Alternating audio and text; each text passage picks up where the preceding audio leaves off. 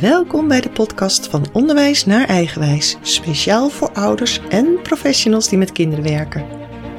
Feit is dat alles verandert, maar geldt dit ook voor ons onderwijs? Mijn roots liggen in het veld, eerst als leerkracht en later als schoolcoach en trainer. En nu ga ik, Karen Karton, samen met jou op onderzoek of en hoe we alle eigenwijze kinderen, de Nederlandse burgers van de toekomst, zo goed mogelijk begeleiden naar volwassenheid, zowel op school als thuis. Vandaag ga ik in gesprek met Danny van Vloten, die nog steeds niet weet wat hij wil worden, maar ondertussen wel een interessante baan heeft. Ja, goedemorgen, dankjewel. En dat klopt. Nou, welkom. Ja, dank je. Vertel, want dit, dit roept natuurlijk meteen vragen op, hè? Ehm, ja, vertel. Ik kan, eh, bij het, eh, kan het eigenlijk heel, heel makkelijk zeggen. Ik weet tot op de dag van vandaag echt niet wat ik wil worden. En sommige mensen weten dat wel, maar ik heb nog steeds geen idee. Alleen, eh, ik werk nu bij de Koninklijke Marechaussee. En dat is wel een hele interessante baan, ja. Ja, dat kun, je, dat kun je wel zeggen. Daar gaan we zeker straks even verder op in. Maar ik neem je even terug in de tijd dat jij nog een jongetje was. En eh, ik wil eerst even weten van uit wat voor gezin kom jij? Ik kom uit een heel goed gezin, heel warm gezin. Ik heb eh, twee lieve ouders die nog steeds bij elkaar zijn. Ik geloof nu al bijna 30 jaar. Ik ben zelf enig kind. Mhm. Geen broers of zussen. Dus eh, iedereen, iedereen die zegt altijd van, ah, maar mis je dan niks? Ja, als je nooit broers of zussen hebt gehad, weet je ook niet wat je mist. Klopt. Dus eh, mijn ouders zijn altijd echt fantastisch voor me geweest. Ik heb een hele goede jeugd gehad, een hele leuke jeugd. Ehm, ja, eigenlijk alles kon. Niks was te gek. Dus zolang, ben- het, zolang het maar normaal was. en wat is normaal? Wat is normaal? Nou, ik bedoel, met alles kon eh, bedoel ik dan niet... eh, je kan op straat hangen en eh, noem maar op, maar...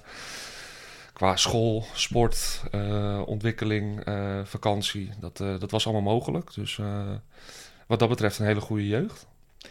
En ehm, je was natuurlijk gewend om met je vader en moeder samen te zijn toen je, klein, toen je nog klein was. Maar op een gegeven moment ga je naar school. Ja. Maar hoe was dat voor jou? Want dan opeens heb je, zit je met een hele groep met kinderen. Ja, ja hoe, nou, hoe dat precies was, dat is voor mij wel heel lang geleden hoor. Maar ehm, ik weet dat ik van mijn ouders altijd meegekregen om te leren delen. En juist omdat je enig kind bent, dan ben je vaak wel verwend. En dat, ja, dat was ik ook wel. Ehm, dus, maar ze hebben me wel altijd, altijd geleerd om, om te delen. Dus, eh, en ik leg, ik leg makkelijk contact. Ik ben eh, wat dat betreft wel sociaal. Ehm, alleen ik weet dat ik vroeger niet zo heel snel op mensen afstapte. Bijvoorbeeld eh, met buitenspelen of, of op vakanties of zo. Dat, eh, dat niet. Maar op school, ja, daar legde ik wel makkelijk contacten. En dan had je vriendschappen. Vriendschappen, ja. ja, ja de- kijk, ik, met de meeste jongens heb je dan de basisschool wat doorgebracht. En dan ben je eigenlijk van, eh, van begin tot eind eh, ben je dan eh, vrienden. Sommigen spreek ik eh, tot op de dag van vandaag nog steeds. Niet meer zo regelmatig als vroeger, maar ehm, ja, dat. Ja, je legt je legt gewoon eh, makkelijk contact. Dus ehm, hoe was school voor mij? Ja, leuk. Leuk. En, en de leerkrachten? Heb je daar nog iets van? De leerkrachten. Ja, daar weet, ik, daar weet ik nog wel wat van. Ik weet juf Marianne nog. Die heb ik zelfs nog op Facebook. Was een eh, strenge, maar aardige juf. En Uit welke groep? 7 en 8. Groep 7 en 8 was dat. Dus eh, ja, ik, ik heb eigenlijk wel eh, positieve verhalen over de leerkrachten vroeger. Van wat ik me kan herinneren. Want het is natuurlijk wel echt Heel lang geleden. heel lang geleden eh, voor mijn gevoel. Dus, dus, dus dat. Ja, En toen ging je naar een, een middelbare school? Ging dat, want heb jij toen ook CITO-toetsen moet, moeten doen? Sorry, ik ben trouwens een beetje verkouden voor de luisteraars. Dus ik klink een beetje anders dan anders, maar... ehm, Ik heb de CITO-toets moeten doen, ja. En volgens mij was de uitslag gemiddeld. Ik, ik, ik, zou het niet weten, maar volgens mij was het niet... Het was niet supergoed, niet super slecht. Dus ga maar uit van, eh, van gemiddeld. Alleen ik was als kind altijd, eh, en nog steeds kan ik, eh, kan ik vrij druk zijn. Ik bedoel, laat mij maar lekker buiten spelen en dingen doen. Dus ik kreeg ook het advies om naar MAVO te gaan, KBL, MAVO. En dan naar Echnaton in Almere. Want dat was een, eh, een eh, school met heel veel sport en, eh, en noem maar op. En nou, daar ben ik dus uiteindelijk ook naartoe gegaan. En de overgang van de basisschool naar de middelbare school was eigenlijk wel ja, spannend. Zoals alles, Ja. ja. iets nieuws. En dan kom je op een of bij de grote mensen, dacht je dan. Maar als ik nu naar de middelbare school kijk, dan denk ik van ja, wat, eh, waar maak je je druk om? Ja, grappig hè, dat perspectiefverschil hè? Ja, ja toen was de vierde klasses, dat waren de grote jongens. En dan ben je 16, geloof ik. Ja. Ja. en als ik nu naar iemand kijk van 16, dan denk ik, ja, je bent nog geen grote jongen. hoor. Nee. Nee. En toen jij 16 was, voelde je je toen een grote jongen? Ja, tuurlijk. Ja, dat Ja. hoort erbij. Hoort bij de leeftijd. Het hoort zeker bij de leeftijd. Nee, dat was... eh, Ja, nee, klopt. En, ehm, toen was je de grote jongen. En dan... eh, nou, ik, was, ik ben in september jarig. Dus ik was altijd de jongste van de klas. Ik zat net op dat, eh, op dat punt. Ja. Dus ik was eigenlijk nog geen 16 toen ik, in de, toen ik van de vierde afging. Alleen, ja, jongeren... Hè, dat heeft dan eh, met wanneer je jarig bent te maken. Die kwamen op de brommer naar school en zo. Dus Ja. dat, eh, dat waren de, de stoere dingen. Oh, en dat mocht jij natuurlijk nog niet. Nee, dat mocht ik nog niet. Nee, Ah, is gewoon nog met de bus of met de fiets. Hm. Nee, toen ik vroeger, eerste en tweede kwam ik altijd met de fiets. Met een eh, rugtas vol boeken. En in de vierde kwam ik ja, met de bus zonder een boek. Misschien had ik een schrift mee, maar dat was puur voor de vorm. En daarna, want dan eh, heb je dus eh, al zo snel ook je papiertje. En dan eh, lacht de wereld je toe, denk je. Hè? Ja. Dan heb je toch gehad wat moet. En toen? Wat ging Danny toen doen? En toen, nou, ik had ehm, echt geen idee wat ik wou doen. En we gingen naar voorlichtingen. En dat ik naar het MBO ging, dat, dat stond wel vast.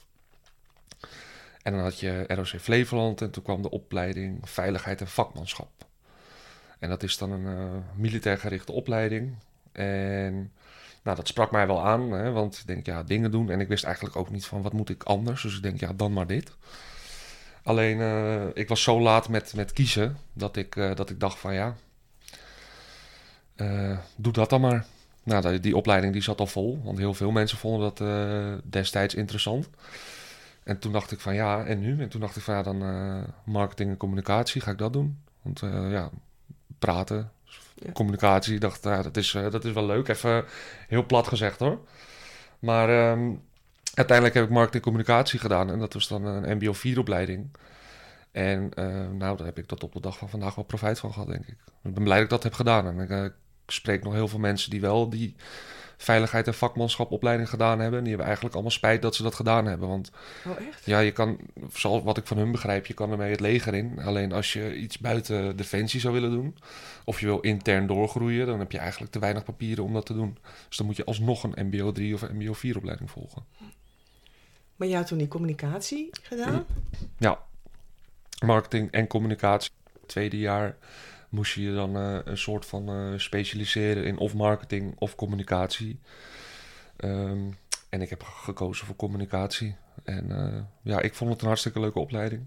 Heb je nog een voorbeeld wat je daar moest doen? Wat je daar, wat je daar, of wat je daarvan hebt opgestoken? Je zegt, weet je, dat is gewoon echt... Spaans. ik heb, ja, we moesten, ik heb vier jaar Spaans gekregen. Het is schrikbarend slecht hoe slecht ik Spaans spreek. Als je zegt dat ik het vier jaar heb gekregen. Maar dat, eh, ja, dat is me bijgebleven. Leuk, daar probeer ik eh, altijd nog wel wat mee te doen. Ik heb het ook nog een paar keer geprobeerd op te pakken om het echt weer eh, helemaal op niveau te krijgen. Maar ja, door tijd en ja, eigenlijk eh, tijd, motivatie. Hè, want dan doe je dat, denk ik, doe, ga ik in november doen. Ja. Als ik dan in juni, juli naar Spanje ga, dan spreek ik het. En na twee weken heb je het alweer gezien. Nou ja. Dus, Maar als je dan naar Spanje gaat, heb je er wel wat aan. Dan kun je nou, het verstaanbaar maken. ik kan me verstaanbaar maken, ja, ja, ja. Maar eh, daar is ook alles mee gezegd, hoor. Ik kan geen hele gesprekken in Spaans voeren. Dus, eh, dus eh, ja, dat is me bijgebleven. En verder, ja, de vakken en zo. Ja, ik heb gewoon weer ik heb een leuke tijd gehad. En, Moest je dan veel rollenspelen doen? Of, of Nee, eigenlijk niet. Nee, nee, je, je kreeg... puur je- inhoudelijk, theoretisch. Ja, theoretisch. En dan, dan ja, je moest stages lopen. En dat was volgens mij twee keer drie maanden of twee keer een half jaar, zoiets. En waar heb je gelopen? Bij een eh, woningcorporatie in Dronten. En ehm, uiteindelijk nog een korte stage in Muiden. Maar dat was bij een eh, vrouw eh, thuis en die had een eigen bedrijfje. Alleen toen kreeg ik longontsteking. Dus toen heb ik thuis gezeten een tijdje. Mm. En toen heb ik aan het einde van de opleiding heb ik studievertraging gekregen. Want ik moest mijn stageuren wel maken. Dus eh, ik kon ook niet in één keer door naar het HBO als ik dat zou willen. Ik moest geloof ik nog drie maanden stage lopen. En toen ben ik bij Hans Ruinemans ben ik stage gaan lopen. En die man die eh, werkt, woont en werkt in, eh, in een appartement in Almere. Echt een super groot appartement. En daar, daar heb ik ja, wat, wat, wat, ja, gewoon wat stage dingen gedaan voor hem. En ja, voor de rest kreeg je, kreeg je eigenlijk bijna alleen maar theoretische vakken.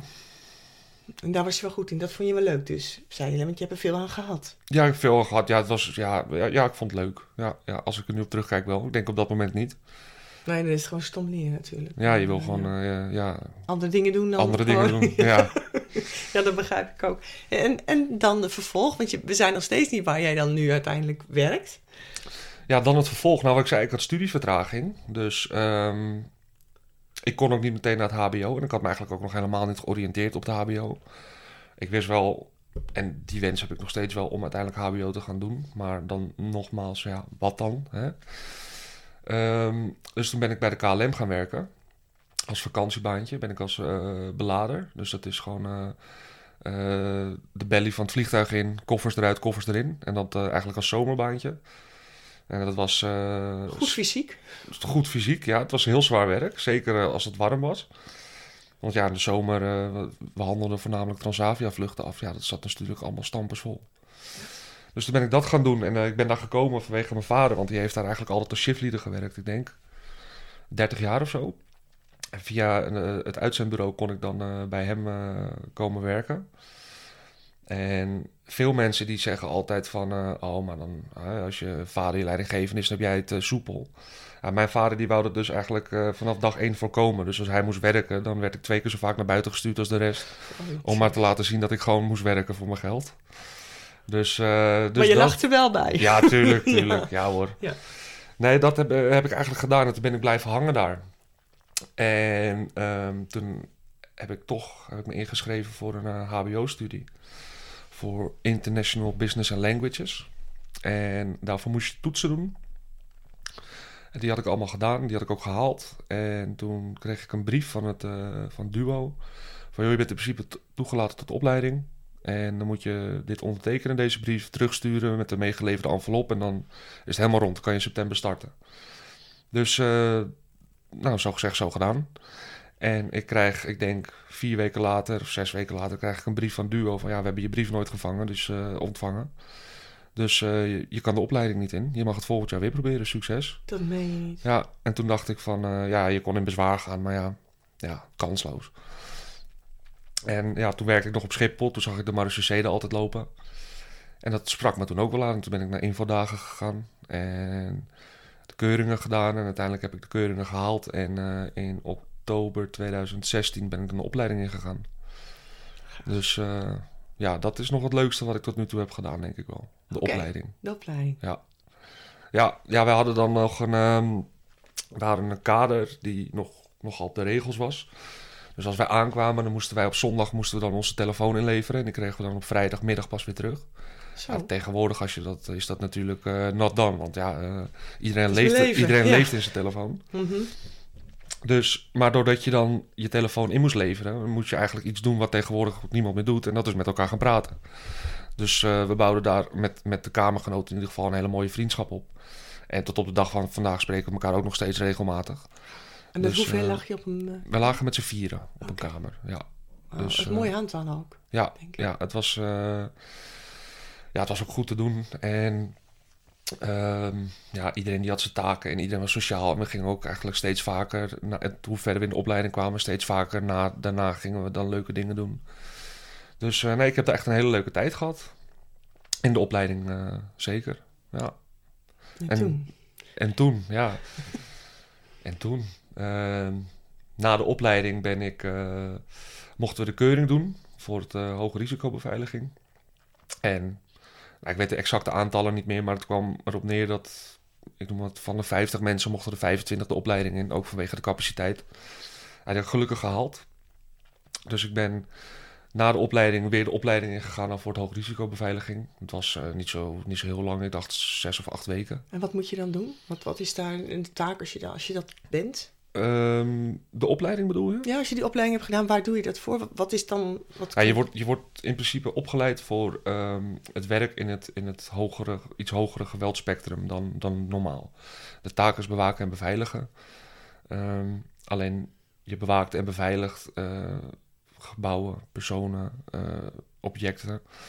Die, die beveilig je die gewoon iets meer dreiging hebben. Ja, die dreiging die wordt bepaald door het NCTV. Dus eh, het is niet even NZRV, even... NCTV, ja, dat eh, Nationaal Coördinator Terrorismebestrijding, eh, Oké. als ik het goed zeg.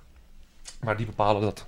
En die maken daar een dreigingsbeeld van. En jij wordt dan in de opleiding word je geleerd om, om daarmee om te gaan. En dan eh, van, van hele lichte scenario's tot, tot, tot worst case scenario's. Ja, alles wat je eigenlijk kan verzinnen, alle, alle aspecten komen daar dan aan bod. En eh ja, uitrusting is ook wat anders. Mensen die de Marechaussee kennen, die kennen ze denk ik over het algemeen met eh, een lichtblauwe polo en een dun vest. En bijvoorbeeld de HRB, hoogrisicobeveiliging, en de gewapende beveiliging burgerluchtvaart op Schiphol. Die lopen dan met donkerblauw. Lopen dan met een combat shirt met lange mouwen en eh, een, eh, een groot vest met, met, met, zware, met, met zware platen noemen we dat dan. Met kogelwerende platen. Ja. Nou, die hebben gewoon een andere taak. Dus ehm, ja, daar ben ik toen, toen voor aangenomen. En toen ben ik eh, gaan werken bij de Nederlandse Bank, werd ik geplaatst. En die zat toen nog in Amsterdam op het, eh, op het westeinde. En na anderhalf jaar eh, ben ik naar, naar Schiphol gegaan om te ondersteunen bij de gewapende beveiliging. En weer terug op Schiphol. Weer terug op Schiphol. Ja, en ja, ik blijf Schiphol echt een fantastische werkplek vinden hoor. En ja, daar ben ik eigenlijk drie, vier jaar blijven hangen. En dan was ik, ben ik als uh, beveiliger. Misschien ook wel, eh, wel handig om te vertellen. Je hebt allemaal rangen binnen Defensie en marechaussee beveiliger, daar begin je dan eigenlijk mee. En toen na vier jaar ben ik eh, naar, de, naar de wachtmeesteropleiding gegaan. Dus dan ga je weer terug naar Apeldoorn. En daarna ben ik teruggekomen bij het hoogrisicobeveiliging, maar dan als wachtmeester. En dan ben je dan plaatsvervangend groepscommandant. Oké. Dus Dus een grote eh, verantwoordelijkheid. ja, je hebt iets meer verantwoordelijkheid. Ja, ja. Dus dat is ook hartstikke leuk. En dat doe ik nu iets meer dan een jaar. En kun je een voorbeeld geven van wat je dan hebt gedaan? Dat dat, eh, of wat je moest doen, wat een opdracht was? Ja, we hadden sowieso, als ik dan eventjes kijk op Schiphol, ehm, heb, je, heb je El Al. Dat, is, eh, dat, zijn de Joodse, dat is een Joodse vliegtuigmaatschappij. Mhm. En wij beveiligen eigenlijk eh, de check-in. En eh, een van onze taken daar is om te zorgen dat alles goed verloopt. En, eh, en eh, kijken dat er zich geen situatie voordoet waaruit een dreiging kan ontstaan. Dus ja, dat is een van de voorbeelden die we hebben gedaan. En is het dan dat je heel veel doet aan de... oh, ik kom er al niet eens uit met mijn desk. De-escaleren. ja, precies. Eh, nou, in, pr- in principe probeer je eigenlijk altijd wanneer dan ook te de-escaleren. En eh, probeer je alles gewoon, gewoon met pratend op te lossen. Eh, alleen het is ja, vooral wat, wat, wat je doet is screenen, kijken naar de mensen. Kijken naar hoe, hoe iemand zich gedraagt. En dan wordt het het meest makkelijke voorbeeld genoemd. Als het 30 graden is en iemand komt binnen met een lange winterjas, valt dat op. Nou, dat, eh, dat, dat zijn eh, de dingen die je moet doen. En verder ehm, is het ook gewoon toezicht houden. Het is eh, ook mensen helpen. Op Schiphol, zodra mensen de borden Schiphol zien, raken mensen helemaal, helemaal van het pad. Die weten dan niet meer wat ze moeten doen. En dan die kunnen niks meer vinden. En Oh, die, ja, die, ja dat, je ziet de meest rare dingen gebeuren. Dus je bent ook een soort... eh, er staat altijd een beetje een vraagteken boven je hoofd. En mensen komen altijd naar je toe of, eh, om een praatje te maken. Of, eh, of gewoon ja, de weg te vragen. En sta je dan ook altijd... een ben jij iemand die dan met zo'n... ja, wat dan ook voor apparaat klaar staat om eventueel te kunnen Ja. schieten? Of, of heb je dat helemaal niet? Op Schiphol hebben we, heb, heb je de lange wapens in principe gewoon om. En dan heb je je, je kleine wapen, je, je handwapen, die heb je dan eh, op je been zitten of op je heup. En dan loop je in principe wel altijd mee, ja. ja. Hm. Dus eh, Heb je hem wel eens nodig gehad? Nee. Nee. Gelukkig. gelukkig niet. Mooi, ja. Nou, hou dat zo, hoop Ja. ik. Dat voor eh, iedereen. Dat, ja. Maar ik vind hem wel heel mooi dat je dit dus doet en dat je eigenlijk nog zegt, ja, maar ik wil nog wel iets worden. Terwijl ja, ik natuurlijk ook wel helemaal heel veel ben, sowieso als mens. Ja, ja, En dan ook nog iets wat je doet, wat je dan graag wil. Ja, dan, ik, ik, ik heb het hier echt prima naar mijn zin. En ik, eh, ik doe mijn werk met hartstikke veel plezier. Ik ga echt nou, bijna elke dag met plezier naar mijn werk. Maar als je, ja, als je zegt van, joh, wat wil je worden? Ja, ik vind piloot ook een mooie baan. Heel veel mensen, denk ik. Maar of ik nou echt piloot wil worden, weet ik niet. Ik vind het altijd wel knap dat mensen dat, eh, mensen dat weten. Volgens mij was het afgelopen jaar weer een, eh, een jongen van 17, hoog IQ, eh, gymnasium, bijna alles met 10 afgerond. Want wil hij worden buschauffeur? Nou, iemand met die capaciteiten weet gewoon, ik wil buschauffeur worden. Terwijl hij kan alles worden wat hij wil worden. Maar die weet het, die wil buschauffeur worden. Ja, ik heb dat niet. Ik zou het echt niet weten, nee. En misschien kom ik er ook wel nooit achter, hoor. Zeg het, uh, mijn, uh, mijn oom die zegt het altijd. En die zegt, ja, ik ben nu met pensioen. En zelfs ik weet nog niet wat ik wil worden. Oh, dus, ja. misschien, misschien, misschien, kom ik er ook wel nooit achter. Nee, nee en blijf je gewoon dingen doen. Blijf gewoon doen wat ik leuk vind, ja. Ja, maar zou dat het niet ook niet kunnen zijn? Dat je gewoon iets mag kiezen wat je gewoon leuk vindt. Wat je, waar je gewoon je bed voor uit wil komen en, en, uh, ja, en wil beleven. Ik vind sowieso, als je, als je iets, iets doet en je hebt er geen plezier meer in, dan moet je, moet je wat anders gaan doen. Want anders dan, uh, ja, dan, uh, dan wordt het somber. Als je elke dag je bed uit moet voor iets wat je niet wil, dan, ja. ja dan ga je het niet meer leuk vinden. Nee, en dan... Nee. en dat jarenlang, dat ga je zien. Ja, dat ga je zien, dat ga je merken. Ja. Dus nee, je moet gewoon lekker doen wat je, wat je wil doen. En ik denk ook als je echt iets wil, dan, dan in een land als Nederland, dan is het meeste wel te bereiken. Ja. Ik ga nog even terug naar een, eh, een vraag die ik aan iedereen wel stel. Hè. En, eigenlijk heb je uh, de bovenste al verteld. Uh, ik zeg dan, ben je een dromer, een denker, een voeder of een doener? Nou, dan zeg jij in eerste instantie een doener. Maar wat zit daaronder? Wat is dan wel een denker. Een denker. Ja. Ik denk wel heel veel na over de dingen die ik wil doen. En, en, en ja, ik, ik denk heel veel. Ook uh, over eigenlijk alle stappen die je, die, je, die, die je neemt. En soms kan je ook overdenken. Alleen ik kan ook heel impulsief zijn en dan is gaan we, gaan we gewoon doen. En we kijken wel waar, uh, waar het schip strandt. Dus een beetje een combinatie van, uh, van die twee, denk ik. Denk ik. Ja, mooi. Ja. En heb je dat altijd gehad? Als, als kind, hè? Je, je even weer terug... En nadat je jonger, toen je jonger was, uh, je was met vrienden, was jij dan iemand die dan zei, altijd met ideeën kwam? Of was jij juist iemand die altijd eerst de andere liezig en dan... Of heel duidelijk wist, dit, daar doe ik aan mee of daar doe ik juist niet aan mee? Lastige. Hmm. Kwamen, ja, kwamen met ideeën, ja. Tuurlijk uh, kom je met ideeën als je, als je gaat buiten spelen. Maar ik, ja, ik vind het eigenlijk wel lastig hoe, ik, uh, hoe ik toen was. Hmm. Ik weet niet of ik dat... Uh... Dat weet je niet meer. Nee, dat denk ik niet. Nee. nee. nee. Was je toen ook met meisjes bezig? Ben je altijd een, een jongensjongen geweest? Nee, wel altijd met meisjes bezig, tuurlijk. Ja, ja, nee, ja oké, later natuurlijk. Maar, maar toen ook al samen, had je ook vriendinnen? Of had je altijd... Uh, ja, we waren vroeger met z'n, drietjes waren we eigenlijk... Uh, waren we eigenlijk wel gewoon, gewoon hecht. En dat was dan mijn buurjongen aan de linkerkant en mijn buurmeisje aan de rechterkant. Met z'n drieën waren we eigenlijk altijd buiten. Oh, geweldig. Ja. En zaten jullie ook op dezelfde school? Nou, zij was al wat ouder. En zelfs voor mij één jaar ouder, dus zat sowieso niet in dezelfde klas.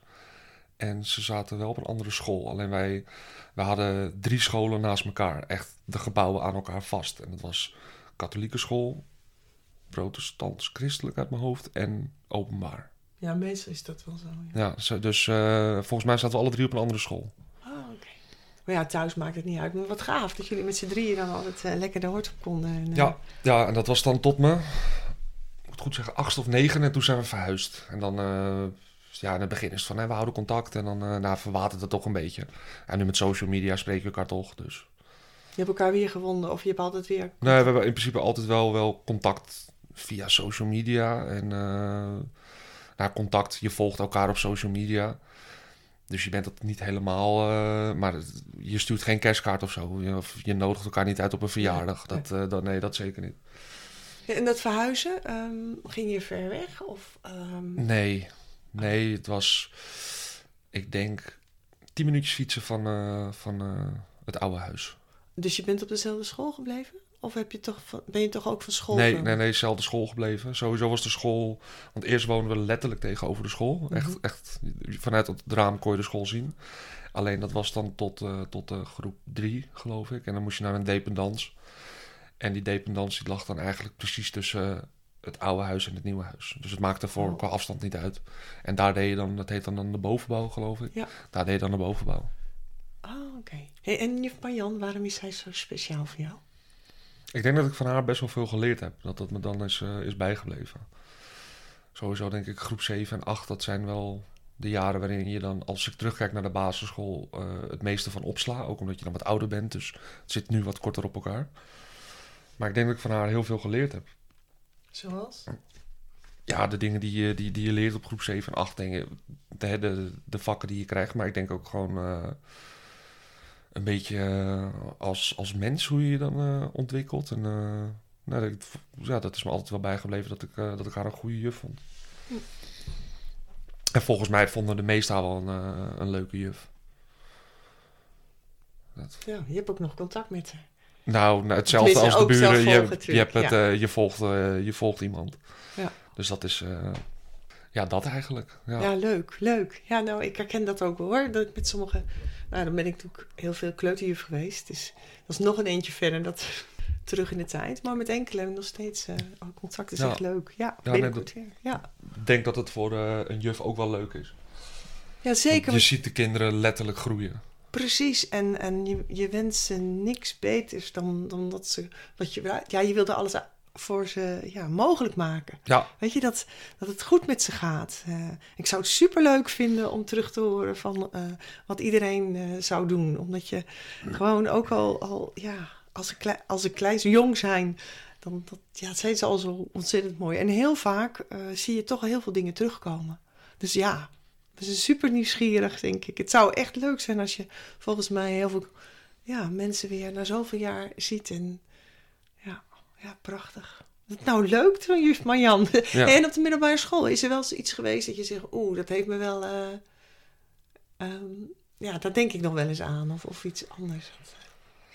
Ehm. ja, nee, is lastig. Er zijn geen cruciale momenten geweest dat je zegt... Ja, dat was wel voor mij wel iets... Of iets heb uitgehaald dat je zegt... Oeh, dat, ja, dat heeft me wel een wijze les gegeven.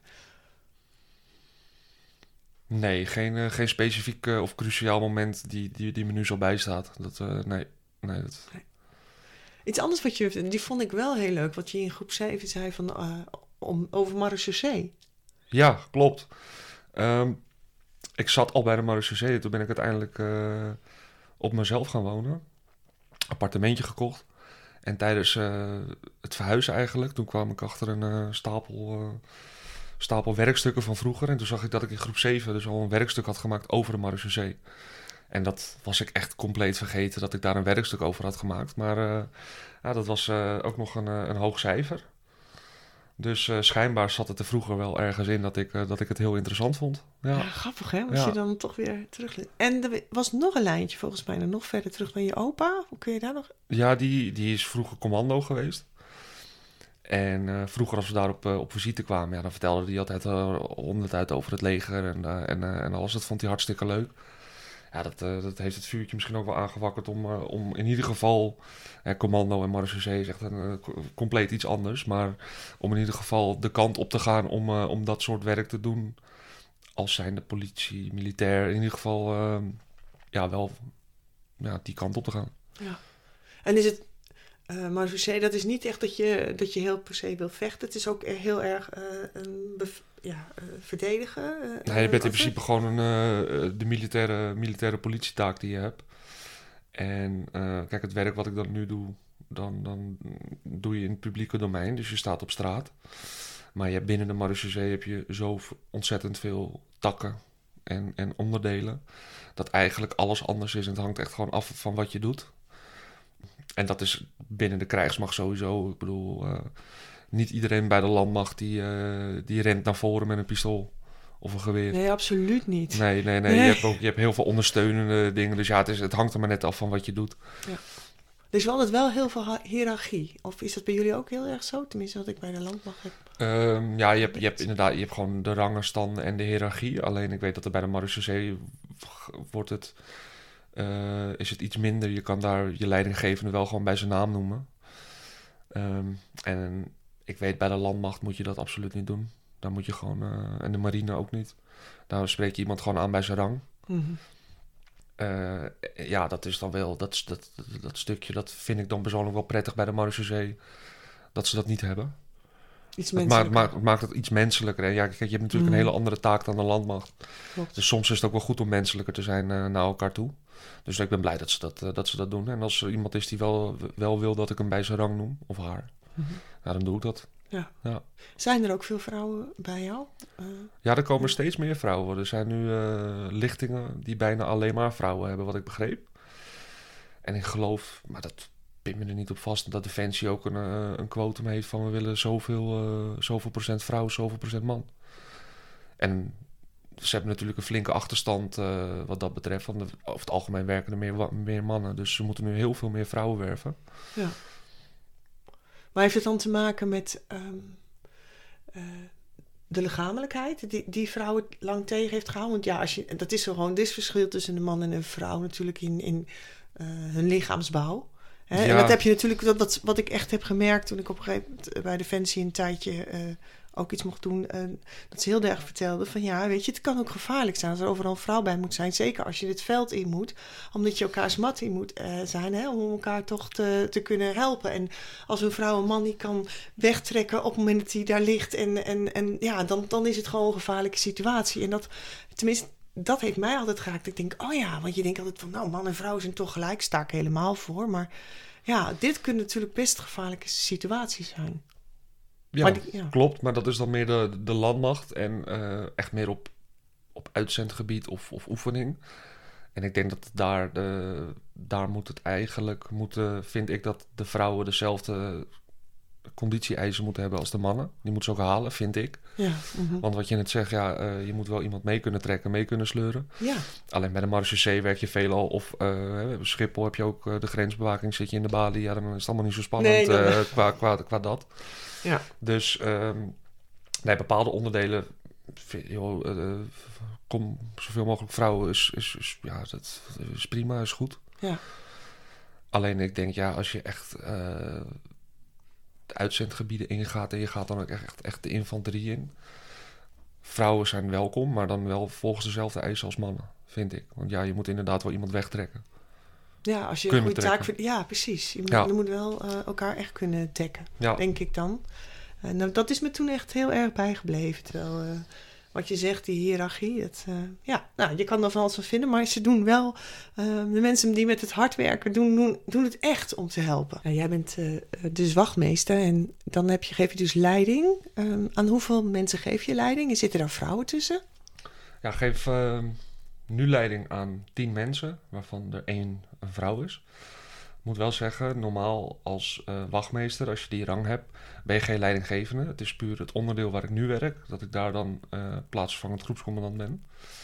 Eh, normaal gesproken, bij bijna elke andere functie, dan ben je gewoon, ja, hoor je bij de manschappen, ben je gewoon aan het werk. En dan, heb je, dan heb je, ben je geen leidinggevende. Dat ben je echt officieel pas als je opperwachtmeester bent. Oké, en wil je daarvoor gaan?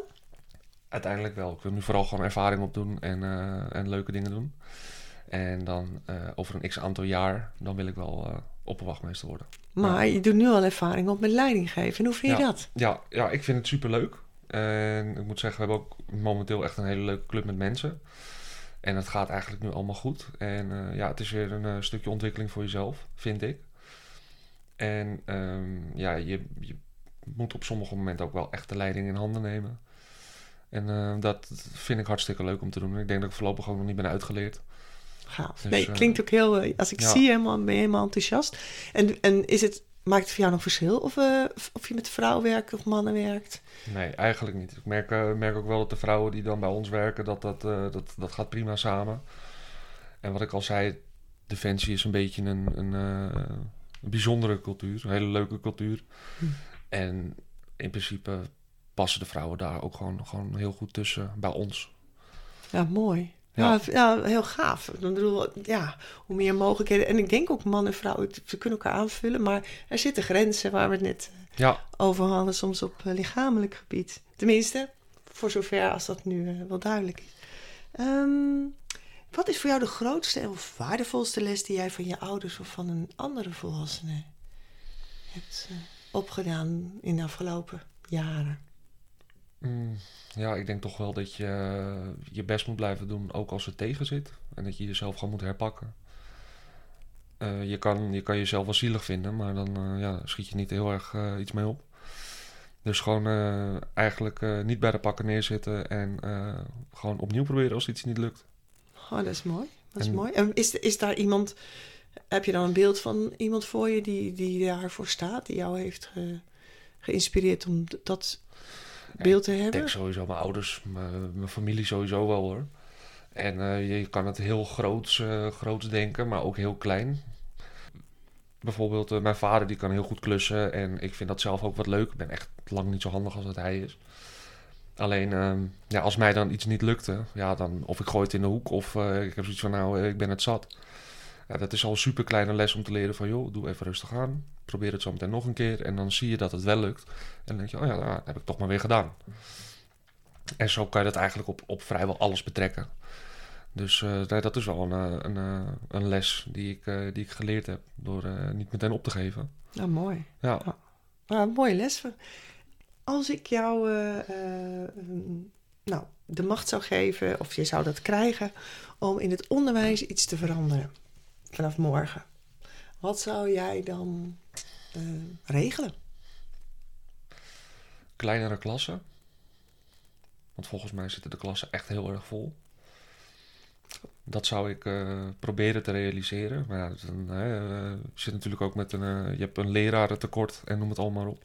Maar als dat er niet zou zijn. Ja, dan zou ik kleinere klassen. Ik denk dat je dan meer persoonlijke aandacht hebt. En ik denk dat je dan als docent ook, ook meer kan zien of meer kan sturen welke richting iemand op moet. Want ik denk soms heb je een klas van 30 mensen, 35. Ja. onmogelijk om daar alle aandacht op te focussen. Ja, klopt. Dus de mensen die excelleren, die laat je eigenlijk maar excelleren. Hè? Want die hebben dan geen hulp eh, of behoefte nodig, zou je zeggen. Maar iedereen heeft dat op die leeftijd. Ja, en aandacht. Ja. Ja, en ja. eh, je hebt ook mensen die vragen bewust om aandacht. Het kan negatieve aandacht zijn, positieve aandacht. Maar als die al jouw energie opslokken, dan heb je geen aandacht meer voor anderen. Dus ik zou de klasse Oh. kleiner maken. En ik zou denk ik wat minder keuzes eh, qua opleidingen doen. Want het is mij eh, destijds al opgevallen. Je hebt zo ontzettend veel opleidingen en vakken. Dat je, je, je weet soms niet meer. Kijk, zoals ik, ja, we hebben het in het begin eh, van de uitzending gezegd. Ik weet nog steeds niet wat ik wil worden. En je hebt ook zoveel keus. Ja. Je ziet door de boom het bos niet meer. Nee, en natuurlijk hoef je ook niet meteen. Hè, vroeger was het zo van eh, je ouders eh, of, of opa's en oma's die gingen ergens werken. Of tenminste, dan, toen waren het alleen trouwens nog de opa's. Want hè, in onze tijd was, of eh, de tijd van de opa's en oma's was het zo dat de vrouwen zelfs moesten stoppen met werken. Hè. Ja. Volgens mij tot 1957 was dat gewoon een wet. Als je ging trouwen, dan moest je je werk achterlaten. Alleen een man mocht nog ex, accelereren. Dat is wel fijn als we dan steeds maar weer nieuwe ja, kunnen groeien. Wat jij ook zegt, je hebt nog dromen soms die je, die je nog waar wil maken. Of je weet nog niet, er hangt nog een sluier voor. Maar je gaat gewoon proberen en Ja, je Zeker. kunt nog alle kanten op. Ik bedoel, eh, ja, hoe leuk is dat? Niks staat vast eigenlijk. We Nee, hoeven niet eigenlijk 40 niet. jaar. het is niet meer dat je allemaal gaat voor het lintje of het gouden horloge. nee, Van klopt. 40 klopt. jaar in vaste dienst. Nee, klopt, klopt. en tegenwoordig is het al bijna 50, Ja, geloof ik. ja Dat, is, eh, en vol- volgens mij eh, werk je, als je een HBO-studie hebt gedaan, gemiddeld zeven of acht jaar voor dezelfde werkgever. En dan eh, is het eigenlijk de bedoeling dat je weer door eh, solliciteert. Ja.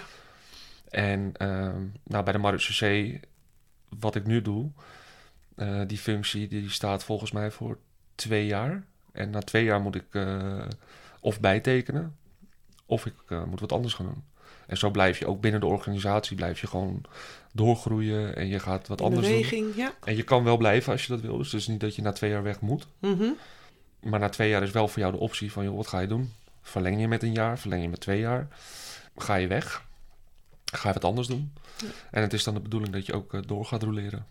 Ja, mooi. Ik vind het eigenlijk heel mooi, want dan krijg je ook niet het vastroesten. Nee, nee, nee. Weet je, dat is zo, dat mensen, ja, zo doen we het nu eenmaal. En dan krijg je weer dat mensen soms zo vastzitten in hun overtuigingen dat ze vergeten dat eh, nieuwe mensen juist weer vanuit een andere hoek een hele fris perspectief mee kunnen brengen, waardoor Ja. je elkaar kunt versterken.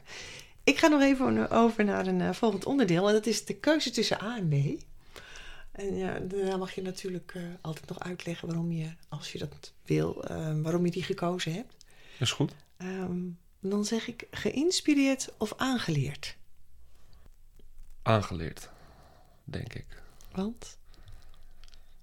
Ja, geïnspireerd. Ik ben niet zo iemand die. eh, ik noem maar wat, ik kijk een, eh, een film en iemand die is heel sportief. Dat ik dan geïnspireerd ben om te zeggen van nou, dat ga ik ook doen. Dat, eh, nee. Je hebt wat stappen nodig dan. Oké, Altijd, als je het ja. gaat doen, dan is dit en dat. Ja. En dat opbouwen. Ja, zeker. Oké, mooi. Dromen of voelen? Voelen. Ja. Kan. eh, dromen is leuk, maar voelen is beter. Oké. Basisschool of middelbare school? Middelbare school. Ja, ik denk dat je dan in een hele korte tijd veel grotere stappen maakt. Ook dingen die je wel- bijblijven, denk ik. Echte denker, hè? Echt te Die zijn- denken, ja. Rekenen of taal? Taal. Ja, Een meester of eh, een juf? Dus een, een mannelijke docent of een vrouwelijke docent? een juf. Leer ik toch... eh, ja, ik weet niet. Is toch, is toch anders. Wikkie de Viking? Dat was een eh, denker. Ik weet niet of je hem kent van vroeger ook. Geen. Of eh, Pippi Langkous. Ja, Pippi Langkous, die ken ik als enige. Die ken je als enige. Ja, Lachen. Wat, wat, ja. wat vind je Eh, grappig naar? Ja, nou ja, ik, dit, is gewoon, ja, dat is de enige die ik ken, maar dat, die, met, die, met die stomme liedjes. Vond ik altijd, ja, ik vond het altijd wel grappig, die liedjes. De liedjes, ja. Mm, lesuren als een soort strippenkaart? Of het huidige schoolsysteem? eh? Moet je me even helpen met het huidige schoolsysteem? Nou, dat is wat het nu is. En de strippenkaart is meer zo van dat je eh zichzelf ook kunt bepalen van... eh, nou, dit zijn de vakken die er allemaal zijn. Ik moet hier examen in doen. Ehm, dat, dat- je dan denkt, hoeveel heb ik? Dalton-onderwijs heet dat zo? Dalton-onderwijs, toch? Volgens mij. Dat is een van de vormen van het huidige eh, schoolsysteem. Maar het schoolsysteem bedoel ik eigenlijk mee, ermee van... eh, je moet eh, zoveel lesuren maken per jaar. Ik bedoel, anders krijg je de leerplicht achter je aan als kind. Of denk je dat kinderen op een gegeven moment... en met, in samenspraak met anderen, zeg maar, meer een strippenkaart kunnen gebruiken. Dus ik noem maar even deze vorm meer van... oh ja, dat kind heeft hier eh, veel meer uren voor nodig. eh, of een ander kind leert liever thuis. Hè? Dus dan zou je gewoon thuisonderwijs. Anderen vinden het fijn op school. op die manier. Ja, ik begrijp hem. Nee, ik denk dat de strippenkaart dan uiteindelijk individueel beter is. Alleen ik weet niet of het te realiseren is. Ehm, met het huidige schoolsysteem, ja, dan heb je natuurlijk, als je dan kijkt naar de onderkant van de mensen op school, dus de mensen die niet willen leren, niet zo goed kunnen leren. Ik denk dat die wel gewoon de structuur nodig hebben van verplicht aantal lesdagen, lesuren. En ik denk, ja, dat eigenlijk ook als je wat ouder wordt, dan heb je toch al een soort van, van strippenkaart. Ik bedoel, je kan bijvoorbeeld bij de HBO kan je zelf kijken of je naar de lessen wil komen. Volgens mij, sommige lessen zijn verplicht, maar niet allemaal. Dus dat is dan al een beetje een soort strippenkaart. Ja, en dat is. Maar zou je dat ook al bij. Denk je dat dat ook al kan bij jongere kinderen? Nou, ik denk eh, niet op de. Ik denk dat, dat je dat vanaf de derde, derde klas van de middelbare school wel zou kunnen doen. Het, maar je legt wel veel verantwoording bij, eh, bij kinderen neer. En En dan heb je gelijk met Dalton, want dat leert kinderen al heel jong eh, Ja. ook verantwoordelijkheid nemen. Dat Dus- is zover als kan. Hè? er zijn ook heel veel die daar niet mee om kunnen gaan, Ja. denk ik. Dus Mhm. het, is, het is een moeilijke. Mhm. Ja, dat, dat is het ook. Maar Ja. ik denk even, daarom wil ik iedereen's gedachten daarover Ja. horen. Hè? Dat hoe Als ik het op Ik- mezelf zou reflecteren, zou ik zeggen het huidige systeem. toch wel. Ja. Ja, ja. En, en was jij dan, ehm, als jij nu had terug kunnen kiezen, of had kunnen kiezen, zou je dan, want je hebt nu blokuurdagen, hè, dat het allemaal dezelfde tijd is. Dus, dus vijf dagen, zeg maar, ben je dan hetzelfde moment, ga je naar school, hetzelfde moment ga je uit. Of zou je dan behouden ehm, wat er vroeger was, dat je dan woensdagmiddag eh, vrij was en als je jonger bent ook nog de vrijdagmiddag? Ja, ik eh, zou toch eh, dat van vroeger. Want? Ja, dan, dan de woensdagen waren dan eigenlijk heel leuk, hè? Want je was vroeg klaar natuurlijk. Maar ik denk ook als je, als je kijkt hoe druk iedereen tegenwoordig is, dan als je zoon of dochter ehm, op woensdag vroeg klaar is, altijd, dat, dat je dan ook meer dingen kan inplannen en meer dingen kan gaan doen. Ik denk dat tegenwoordig iedereen is druk, iedereen eh, Eh, werkt 40 uur. Ja, je houdt bijna geen tijd over. En ik denk dat je dan, als je dan juist kijkt na school, dat, eh, dat het van vroeger beter was. Omdat je dan gewoon eh, dingen kon doen. Je kon in de middag nog naar de dierentuin of eh, ja, whatever. Eigenlijk van alles. Ja, ja. En dat continu roosten, ja, dat is, er zit ook wel een sleur in. En ja, ik werk onregelmatig. Mhm. En ik vind een, eh, al die kantoortijden dat lijkt me helemaal niks. Gewoon vaste tijden. Dat is, ja, nee, niks voor mij. Nee. Nee, dus jij eh, bent, maakt jou ook niet uit of je, of je overdag moet slapen omdat je s'nachts moet eh, presteren? Nee, nee, helemaal niet. Nee, ik eh, kan ook altijd slapen, maar dat komt denk ik omdat ik dan ook gewoon chronisch moe ben. Maar ehm, nee, dat maakt mij niet uit. Nee, Oké. Ehm, theorie of praktijk? praktijk. Ja, ja, ja, ja. ja. Ja, dat, dat is heel leuk. Ja. Nou, denken of doen, die is ook wel voor jou leuk. Wat komt er dan toch eerder? toch eerst denken. Ja. Wel eerst nadenken voordat je wat doet. Het gaat niet altijd goed, maar En ehm, eh, wat zou je tegen kinderen zeggen die ehm, happy zijn op school en kinderen die nou eigenlijk met lood in de schoenen naar school gaan? Op wat voor reden ook. Hè? Het kan natuurlijk intellectueel zijn, maar ook sociaal.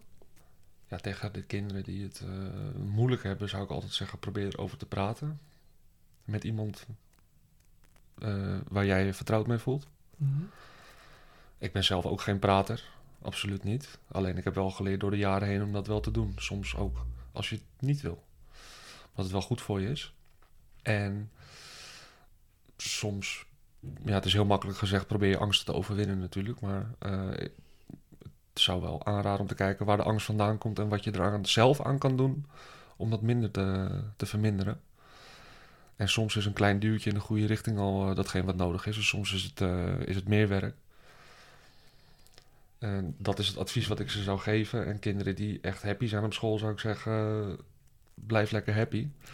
en doe, doe vooral je ding. En probeer, als je happy bent, om ook te kijken naar de mensen die minder happy zijn. Om te kunnen kijken: krijg ik, zij, krijg ik eh, hun ook zo happy? Wauw, wat een mooie. Zou ik zeggen. Wauw. Nou, ik denk dat dit een, eh, een prachtige... Ja, of je moet nog iets eh, willen toevoegen. Dat je zegt van, nou, ik heb nog een boodschap of een tip of een quote die ik nog kwijt wil. Ehm, nee, nee, zo 1, 2, 3 niet. Nee. Nee, dan Nee. wil ik je echt bedanken voor dit mooie gesprek. En ja, laten we elkaar vooral eh, happy proberen te maken. Als jij happy bent, dat je dat kan delen. Precies. Nee, ja, inderdaad. Dankjewel. Dat vind ik echt heel mooi. Dankjewel. voor Jij ook bedankt. Dankjewel voor het luisteren. Als je nog een vraag hebt of wil reageren, stuur me dan een berichtje via karen.krachtstroom.nl. Karen schrijf je met een E en krachtstroom schrijf je met de letters K, R en dan het cijfer 8. Het staat voor de verbinding van hoofd, hart en buik. En dan stroom, zoals je het zegt. En ik zou het echt tof vinden als je me een like zou willen geven. Wens je een stromende dag vanuit jouw oneindige kracht. Veel geluk!